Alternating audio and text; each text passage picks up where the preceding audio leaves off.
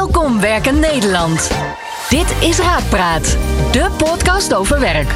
Andreas Bouwman van Raakpersoneel stelt een werkexpert rake vragen over solliciteren, salaris, carrière, promotie, collega's, werkplezier en andere werkgerelateerde zaken. Moet je per se diploma's hebben voor een succesvolle loopbaan? Hoe voorkom je een burn-out? Is inclusiviteit een hype? Leg je werk even neer. Het is tijd voor Raakpraat. Thomas Slotboom maakt verbinding door video. En dat is de reden dat ik vandaag in de camera kijk en niet alleen in de audio spreek. Yes. Thomas, van harte welkom. Uh, jij bent eigenaar van Soul Vision. Correct. Je geeft videotraining, videomarketing, videorecruitment. Uh, en op dat laatste wil ik straks uh, inzoomen. Yes. Maar ik begin eigenlijk met de vraag die ik al mijn gasten stel. Thomas, toen jij nog een kleine jonge Thomas op school was, wat wilde jij toen worden? Buschauffeur. Buschauffeur? Ja. Ik had uh, eigenlijk geen idee wat ik wilde doen. Ik ben van heel veel scholen afgetrapt. Dus niet zo'n heel goede leerling. Beetje Nee. recalcitrant om maar zo te zeggen. Ik was dyslectisch, hoogbegaafd. Dus ik liep niet echt tussen de gebaande wegen in, zeg maar. Nee. Dus ik werd eigenlijk, uh, kwam ik op het uh, uh, Scheepvaart- en Transportcollege terecht. Toen dacht ik, nou weet je wat, buschauffeur. Dan zou ik mensen ergens brengen, leuke muziek afspelen, wat vertellen over de omgeving. En dus mensen ergens brengen en wat meegeven. Ja. Ik ben nog steeds buschauffeur. dus je hebt gewoon je droom waargemaakt Zeker. eigenlijk. Ja, oh, mooi. nou ik, ik als trainer breng mensen ergens en ik geef ze wat mee. Dus ik doe eigenlijk, dat, dat zat er eigenlijk al in. Um, alleen ik had het toen in de vorm van buschauffeur gegoten. Ja. Een stukje leiderschap zat er eigenlijk altijd. Ik wou het goede voorbeeld geven, de verantwoordelijkheid nemen. Want hoe heette dat college nou, zei je? Het Scheepvaart- en Transportcollege. De STC in Rotterdam is een vrij, uh, vrij bekende school. Dus uh, Ja. zat ik dan op de transport en logistiek. Maar dat is na je middelbare school? Of? Ja, dat was eigenlijk. Uh, ja, dat was dan inderdaad de MBO, maar, het MBO, om maar zo te zeggen. Ik heb ook hotelmanagement gedaan. Horeca sprak me wel wat aan, maar het, het was, het daar lag mijn passie niet. En, en ook bij het, daarvoor het, het Scheepvaart- en Transportcollege. Het was niet mij, ik was daar niet voor in de wieg gelegd. Alleen wel wat, wat ik wilde doen, heb ik Ja. bedacht van... hé, hey, dat zat er wel toen ook al in. En om daar nog heel even op eh, stil te staan. eh, je geeft jezelf nu die labels van eh, hè, hoogbegaafd, dyslectisch. Ja. Was, dat, was dat toen ook al duidelijk? Of Zeker niet. Eh, dan was het, eh, ze probeerden ODD, ADHD, eh, autistisch. Ze, probeerden wel labeltjes erop te plakken. Alleen Ja. dat labeltje, die, die kwam er niet echt naar voren, zeg maar. En op latere leeftijd ben ik er een keertje op gewezen. Mijn ex destijds, die was huisarts en die deed ook indicaties. En die zei van, hey, ik merk dit en dat bij jou, ga eens daarover lezen. En toen heb ik een boek gelezen, Hoogbegaafdheid bij volwassenen. ja. En ik herkende mij daar zo erg in. Dat Dus je was van, al volwassene toen je erachter kwam eigenlijk. ja, toen, toen pas eigenlijk. En, uh, maar ik moet wel zeggen, sindsdien heb ik heel veel geaccelereerd. Omdat ik maakte me niet meer zo druk om de dingen die, die niet zo goed gingen. En ik ging me juist focussen op waar ik wel goed op ging. Ja. En op school moet je natuurlijk heel veel dingen doen die je niet per se Ja, moet. leuk vindt. ja, moet. Daar, daar begin je al mee. Ik moet helemaal niks. En, en, Nee. en precies dat stukje, dat moet ik nu nog steeds. Zodra ik het woordje moet, dan... Ja, je bent denk ik ook niet voor niks ondernemer geworden, Zeker. maar dan, dan maak ik eh, iets te veel sprongen. Want jij wilde buschauffeur worden. Dat ben je uiteindelijk ook geworden. Ja. En had je eh, voorbeelden van mensen die dachten van... wauw, ja, die doet iets wat, wat me gaaf lijkt. Eh, Nou, ik kom uit een familie met wel, uh, bijvoorbeeld mijn grootvaders, allebei redelijk inspirationeel. Uh, aan mijn moeders kant een hele, hele wijze, slimme man. En aan mijn vaders kant een hele warme, charismatische man. ja, Daar keek ik altijd wel tegenop. Dus uh, dat stukje leiderschap zat wel in de familie, alleen ondernemerschap niet. nee, Dat, dat heb je zelf ontwikkeld uiteindelijk. dat, dat, dat was wel echt een afscheiding zeg maar, van mij en mijn familie. In de zin van, ik, ik ben de enige ondernemer. Er Ja. zijn geen andere ondernemers in mijn familie. Dus dat, dat wiel heb ik wel zelf moeten ontdekken. Zeg maar. Dat is er niet met de paplepel ingegoten. Maar het stukje leiderschap, zeker. Ja. Nou ja, wij maken een podcast voor binnen de recruitment, uh, uitzenden, uh, flexwerk, noem het allemaal maar op. En daar um, ben je op een gegeven moment ook in terecht gekomen. Ja. Hoe is dat zo verlopen van, die, uh, van dat college naar recruitment? Wel grappig eigenlijk. Um, ik, ik, ik ben best wel vroeg leeftijd ben ik fulltime gaan werken. Um, Ja. En ik verdien altijd meer dan, dan de mensen van mijn leeftijd. Omdat ik fulltime werkte, veel werkte, maar ook veel wegzette. Ik zet altijd mijn bruto salaris naast mijn werkervaring. Oké. Kreeg ik van vier recruiters te horen, dat moet je niet doen. Nou, als je zegt moet, dan doe ik dat juist wel. En toen werd ik de, voor de vijfde ben ik door een directeur van een werving- en selectiebureau opgebeld. hey Ja. Thomas, vind ik eigenlijk best wel goed dat je dat doet. Laat een stukje authenticiteit, maar ook eerlijkheid zien. Kom eens langs voor een gesprek. En toen ben ik aangenomen. Eigenlijk dezelfde dag nog. De, de tweede gesprek zei, nou, je krijgt nog, je krijgt te horen voor een tweede gesprek. En toen belden ze mij op de weg naar buiten al van, nou, loop maar terug, kom maar tekenen. Oh, tof. Ja. Dus zo ben ik eigenlijk de recruitment ingegaan op eh, 18-jarige leeftijd. En eh, daar ook best wel wat jaren in blijven hangen. Op 21-jarige leeftijd heb ik een toelatingsexamen gedaan voor het HBO. Mhm. Human Resource Management gestudeerd. Iets met mensen. Ja. Ik begreep vooral niet waarom mensen überhaupt wilden werken. Maar dat triggerde mij juist van, oké, waarom doet iedereen dat dan wel? Dus het stukje organisatiekunde, de, de structuur, cultuur, leiderschap, eh, loopbaanbegeleiding. Dat, dat waren dingen die mij wel heel erg aanspraken. Mensen beter maken, mensen helpen. Dat stuk met de, met de, met de mens, dat, voor, dat sprak je aan. Zeker. En, en vooral ook de vraag, waarom doen mensen nou dingen? Wat, wat zit daar nou achter? Ja. Ik kon, kon dat heel slecht voor mezelf invullen, dus dat, dat wilde ik begrijpen. En mensen konden jou natuurlijk vanaf kleins af ook moeilijk plaatsen, denk Ju- ik. Juist, juist daarom. En ehm, juist het in hokjes plaatsen vond ik heel vervelend. Alleen het, het hokje willen bepalen, moet je toch ook wel wat dingen weten. Ja. En eh, bijvoorbeeld de vakken zoals psychologie, ja, daar haalde ik 9 of een 10 voor, want dat vond ik super interessant. Ja. loopbaanbegeleiding, coaching, training. Daar heb ik ook mijn minor in gedaan. Daar werd ik eigenlijk heel erg vrolijk van. Omdat je begint eerst bij jezelf. Oh, zit dat zo? Dus je hebt ook veel over jezelf ontdekt in die jaren. Superveel. En, en daarna ben ik eigenlijk na het hbo weer teruggegaan de recruitment in. Ik heb ook ehm, een stukje reintegratie gedaan. Twee jaar voor de gemeentes. Dat was ook wel tof. Wat heb je daar geleerd? Want dat is weer een hele andere doelgroep natuurlijk. Nou ja, dat, dat het stukje menselijkheid, dat we zijn, we zijn, we zijn niet onze problemen. Alleen, ja, soms heb je daar wel een helpende hand in nodig om daar uit te kunnen komen. Dus het, ik kreeg best wel veel voor elkaar, waarbij collega's die 10, 20, 30 jaar ervaring hadden, wel, wel eens zaten te kijken. Zo, het lukt, lukt jou wel. Heb je daar nog een, een concreet voorbeeld van als je aan die tijd terugdenkt? Ja, zeker. Ik eh, had een dame voor me, HBO afgestudeerd, kreeg het cv te zien. Mhm. En ik voelde, ik zeg, is er nou niemand die met jou meekijkt? ja. brak ze in tranen uit. Ik raakte precies de gevoelige snaar. Het cv was perfect, alleen er zat gewoon Enorme gaten in. oh nee, hele domme fouten in. Zoals een, een enter of een spatie. Ik denk van ja, Oh ja, als, ja. als je als HBO afstudeert dat in je cv hebt staan, het niet, dan kom je niet heel sterk over. Ja. Pas het cv eens even aan. Op deze en deze punten. Je bent een leuke dame, komt allemaal goed. En ga eens nog een keer solliciteren. Die heb ik ook niet meer gezien. Nee, Is niet meer teruggekomen. maar ja, je weet het nu nog wel. Zeker. En dat heeft je, ik neem aan, heel veel voldoening ook gegeven. Ik heb eigenlijk twee dingen geleerd in het ondernemen, maar ook gewoon in het leven. Het is, je moet goed kunnen luisteren en dingen benoemen. Een stukje waardering geven, een stukje erkenning eigenlijk. Ja, Als je mensen erkenning geeft die ze zichzelf niet willen geven. Als je dat kan geven, dat, dat breekt bij mensen weer. Dat is dag en nacht verschil. Een stukje onzekerheid die ik bij, bij mezelf ook heel erg had. Want dat heb ik heel erg ontwikkeld. Die, Ja. Eigenlijk onder, ik was super onzeker. Maar op het moment dat ik herkenning kreeg. Dan kan ik ook nog even een eh, punt uit mijn HBO. Dat was eh, Stanford Kroesen, Arthur. Die eh, was een hele toffe leraar. En die, die docent zei een keertje in het tweede jaar. Halverwege les. Hey, ik begrijp hoe je denkt. Nu snap ik ook je vragen. Ik stelde dingen altijd op een beetje een bijzondere manier. ja, De meeste docenten die ja, Hmm. een rare manier van vragen. Alleen ik, ik stelde dingen ten twijfel of ik stelde dingen op een bepaalde manier. Dat begrepen ze nooit. Maar hij deed altijd zijn best om echt zijn, zijn studenten te begrijpen. Het was ook een hele open, toffe man. En juist door dat stukje erkenning toen dacht van... hé, hey, ik ben helemaal niet zo gek. nee, precies. Alleen, waar ik wel aan moet werken is bijvoorbeeld mijn verwoording of de vertaling. Want ik moet ook goed realiseren dat niet iedereen zo denkt. Dus dan moet ik het wel ombouwen naar, naar begrijpelijk iets voor een Ja, precies. ander denkend persoon. Om erkenning te geven moet je eerst de verbinding met iemand anders maken. Eh, maar dat is denk ik ook wel een hele goede tip voor recruiters, beginnende recruiters, consultants of hoe ze ook maar genoemd moeten worden, mogen worden. Dus dat je ook die erkenning geeft, Ja. die er ook tegenover je zit. Ook al is het voor de hand liggend.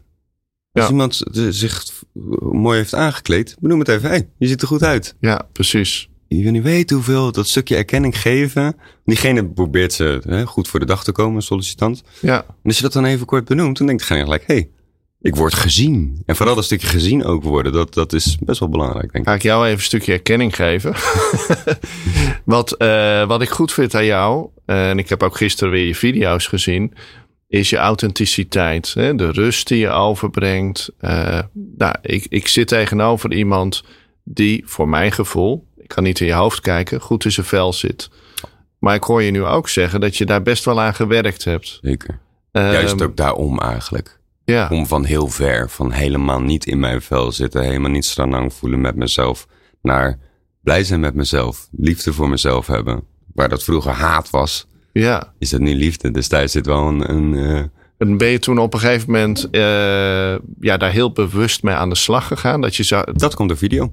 Ik, was toen, ik ben, ben toen met videorecruitment begonnen. Ik denk een jaartje of zeven, acht geleden. Ik was een van de eerste in Nederland die dat deed. In loondienst toen dus Ja, nog. in, in loondienst nog. Ik was specifiek ook aangetrokken van... hey, we willen met video werken, maar niemand durft het. Niemand Ja. wil het. Nee, Ik zeg, nou ja, ik heb het nog nooit gedaan, dus ik denk dat het wel kan.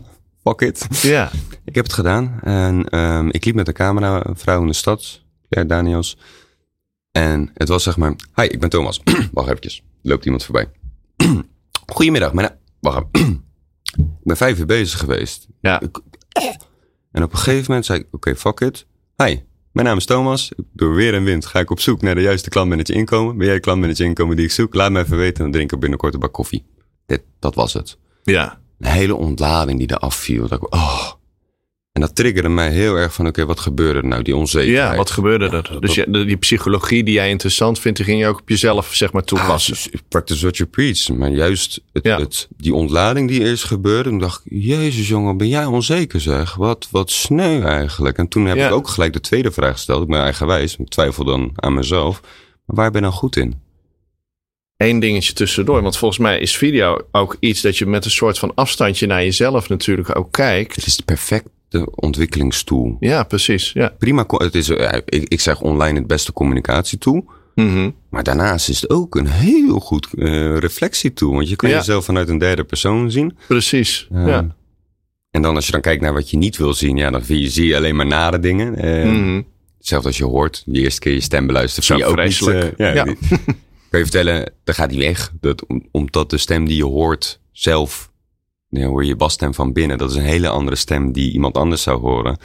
Ehm, dus dan herken je je eigen stem niet. En dat Ah. klinkt dan sowieso al minder. Ik had gehoopt dat dat zou verdwijnen, maar dat, eh, dat verdwijnt dus helaas Nee, niet. Je kan er maar beter om lachen. Ik, ik heb Ja. dan wel, ehm, als, je, als je de draak met jezelf kan steken, wie gaat je dan nog belachelijk maken? Ja. Of het gevoel hebben dat je.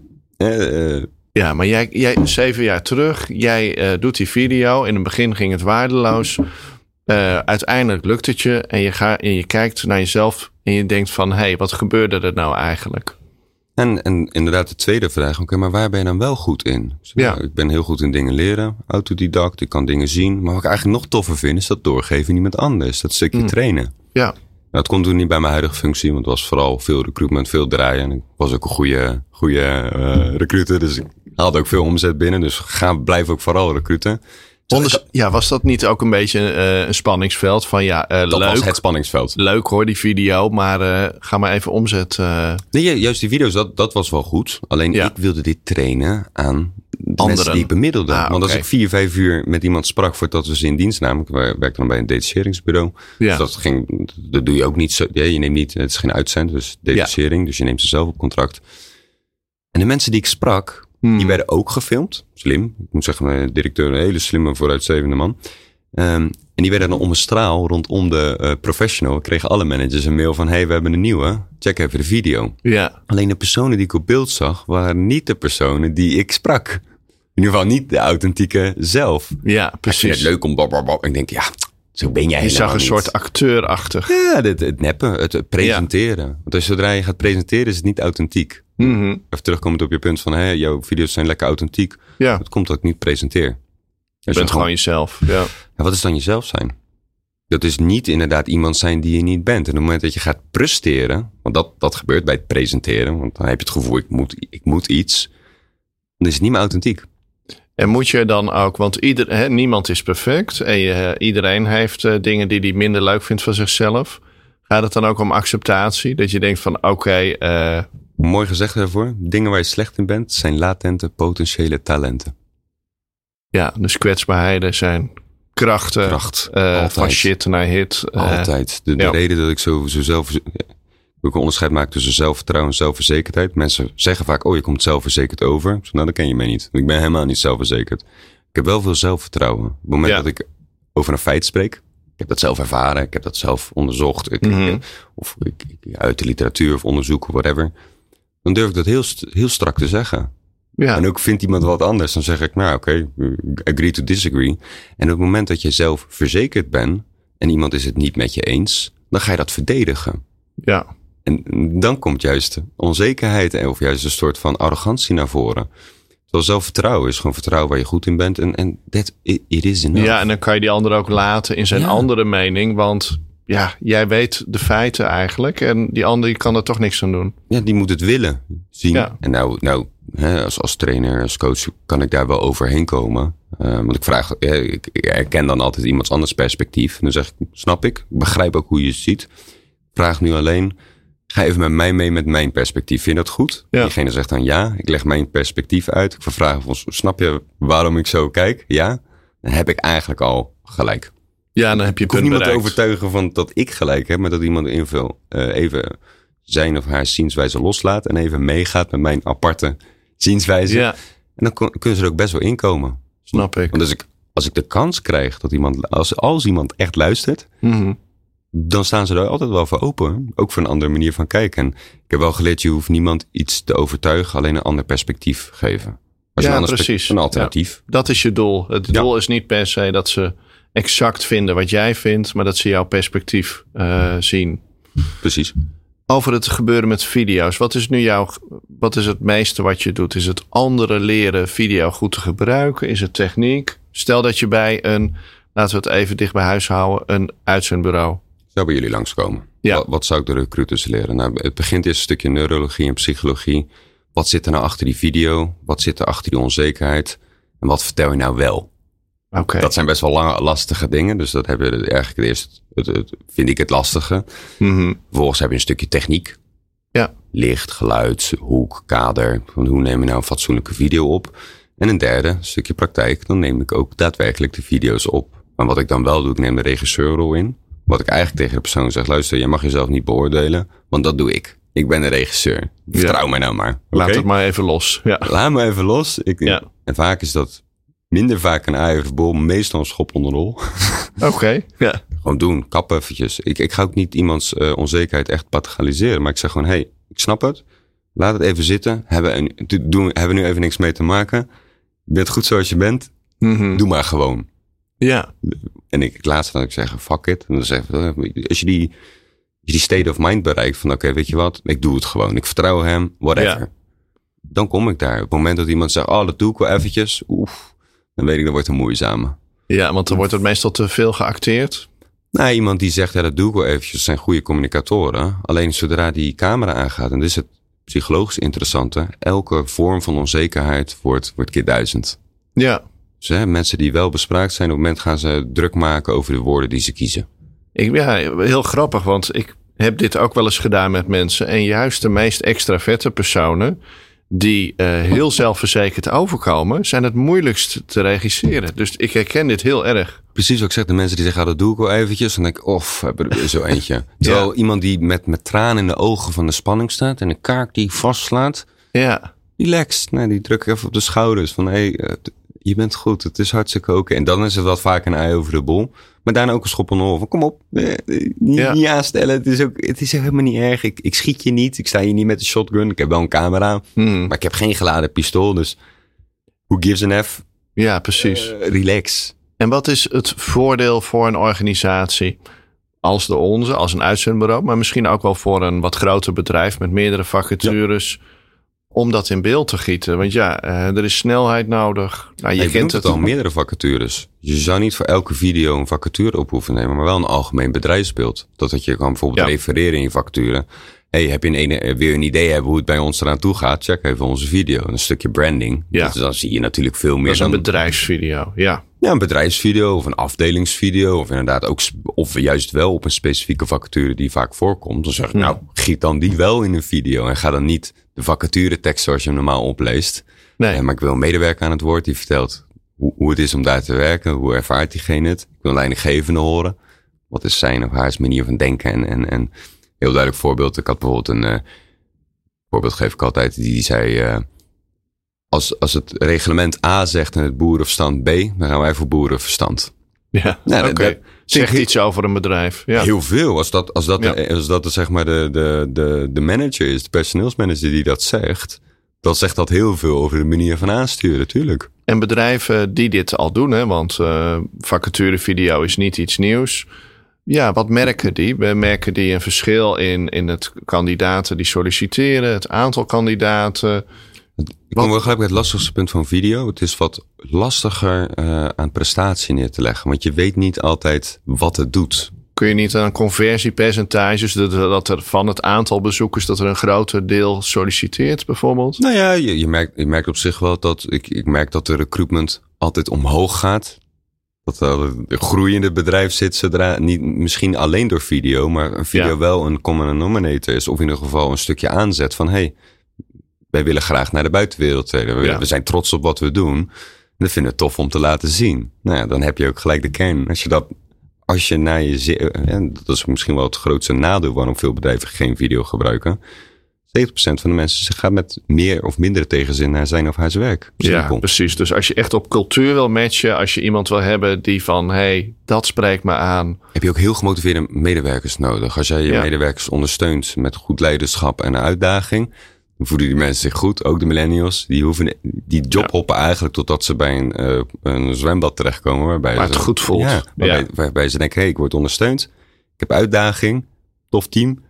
Maar als jij een werkgever bent waar het niet zoveel uitmaakt, of ze, ja. Ze moeten gewoon draaien. Ze nee. moeten gewoon draaien. Ze moeten gewoon inpakken bij A of bij B. Ja, dan heeft de video ook geen toegevoegde waarde. Nee, omdat die personen zullen nooit authentiek op beeld komen. Ik heb ook wel eens een keer voor een organisatie gewerkt waarbij ik de helft van de recruiters zelf zat niet op zijn of haar plek. Die zijn echt aangenomen van, nou, je bent een slimme.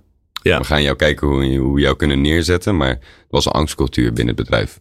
Dat, mm -hmm. is toch wel bij zo, ja, ik, durf, ik ga geen nummers of uitspraken doen, maar voor mijn idee meer dan de helft van de recruitmentbedrijven is gewoon money driven. Zoveel mogelijk omzetten, bellen, bellen, bellen. Ik heb letterlijk ja. directeuren gezien die zo binnen bellen, bellen. Ik denk, ja, ja. we zitten hier in een apenkooi.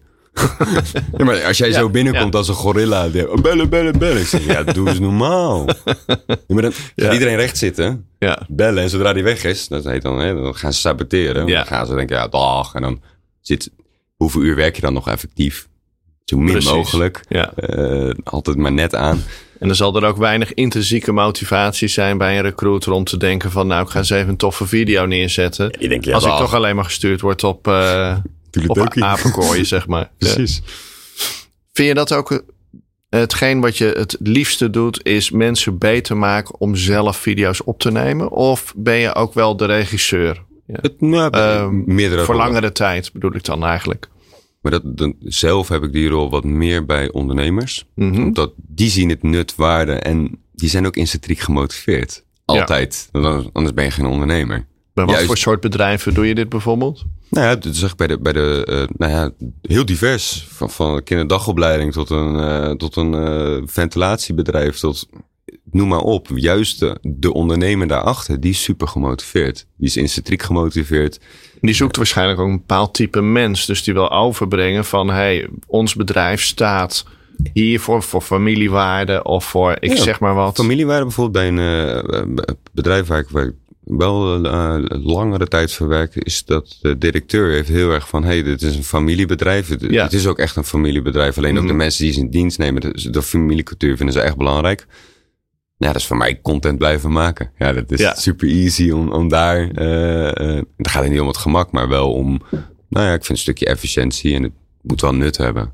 Dat als je inderdaad bij, bij komt waar het allemaal nep is of niet, niet authentiek, dan, dan hoeft het voor mij ook niet. Dat voor jou ook niet. Daar word ik niet vrolijk van. Nee. Dat, nee, dan zou je daar nooit heel lang uh, blijven zitten. Dat, dat is misschien ook wel een leuke. De Soul Vision is sollicitatievisie.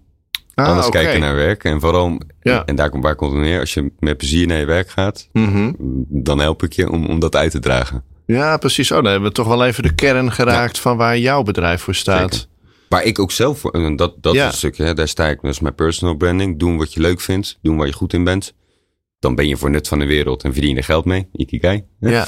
Maar dat kan ook op bedrijfsniveau natuurlijk. Want als Ja. je met allemaal dat soort mensen in dienst hebt, ja, dan is dat ook je dienstverlening. Mooi. We doen wat we goed zijn, wat we leuk vinden en eh, we, leveren, we doen goed werk.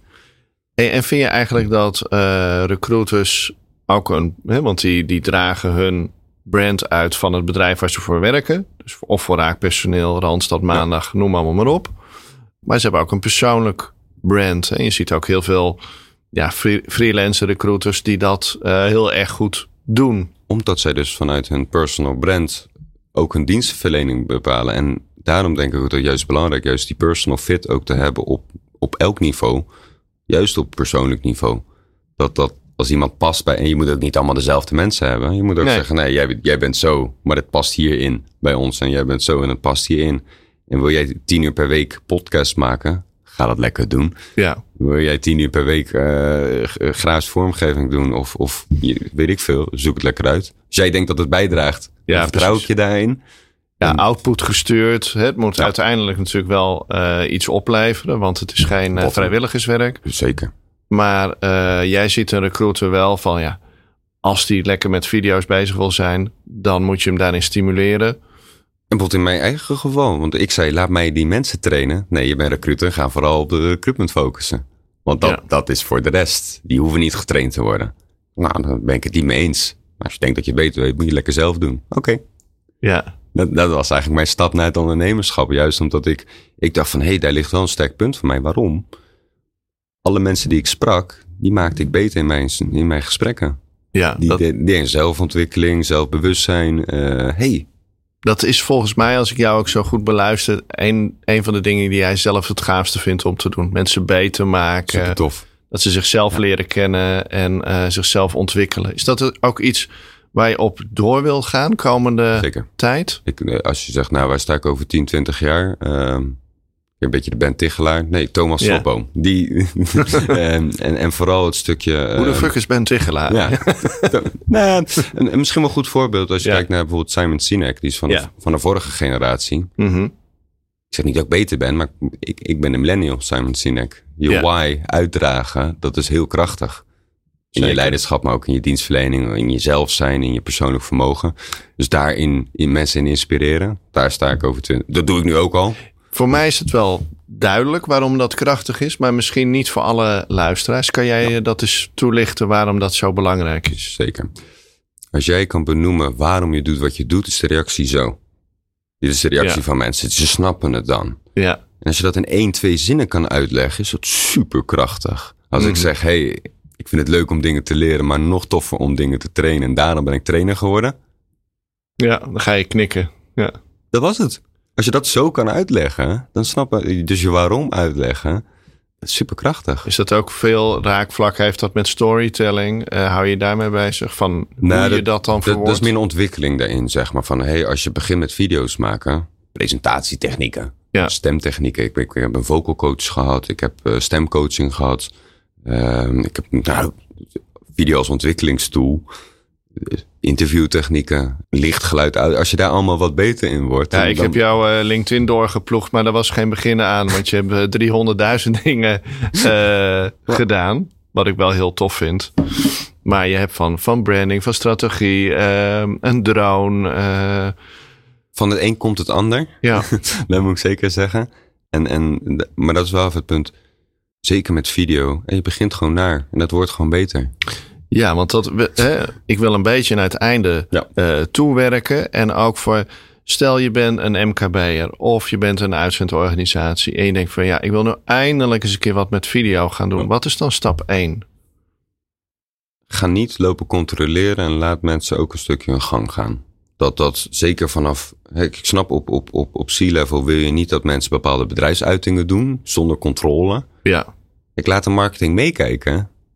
Sales of whatever. ehm, maar ga diegene niet beperken. Op het moment dat je zegt, ja, je moet dit, je moet dat, je moet, dan is het al niet meer authentiek.